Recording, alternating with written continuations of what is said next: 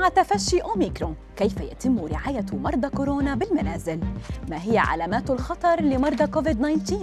ودراسة توضح لا تأكل لا تشيخ أبرز أخبار الساعات الأربع والعشرين الماضية في دقيقتين على العربية بودكاست منظمة الصحة العالمية تصدر حزمة محدثة من الإرشادات والتحذيرات لضمان توفير أقصى قدر من الرعاية لمرضى كورونا الذين يتلقون العلاج بمنازلهم للحيلولة دون تفاقم الحالات لشديدة أو حرجة.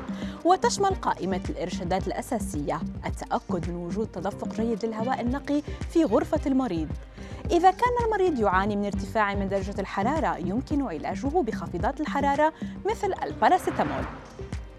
ولا توجد حاجة لاستخدام المضادات الحلوية ما لم يكن هناك شك في وجود عدوى بكتيرية. وعلى المريض المصاب بأمراض مزمنة الاستمرار في تناول الأدوية الخاصة به في مواعيدها بدقة. مع انتشار كورونا أوميكرون نعرفكم على عوامل الخطر الرئيسية لمرضى كوفيد 19 وتتمثل حالات الخطر بين البالغين والمراهقين في حمى وسعال وضيق تنفس بالإضافة إلى أحد الأعراض التالية معدل التنفس أقل من 30 نفس في الدقيقة. ضيق حاد في التنفس نسبة أكسجين في الدم أقل من 90% في هواء غرفة عادية وفي حالة راحة.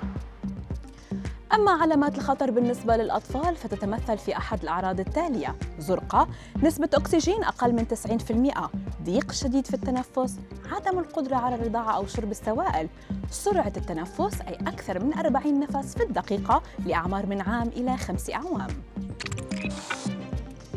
لا شك أن خفض السعرات الحرارية اليومية التي نستهلكها له تأثير عميق على حياتنا المستقبلية.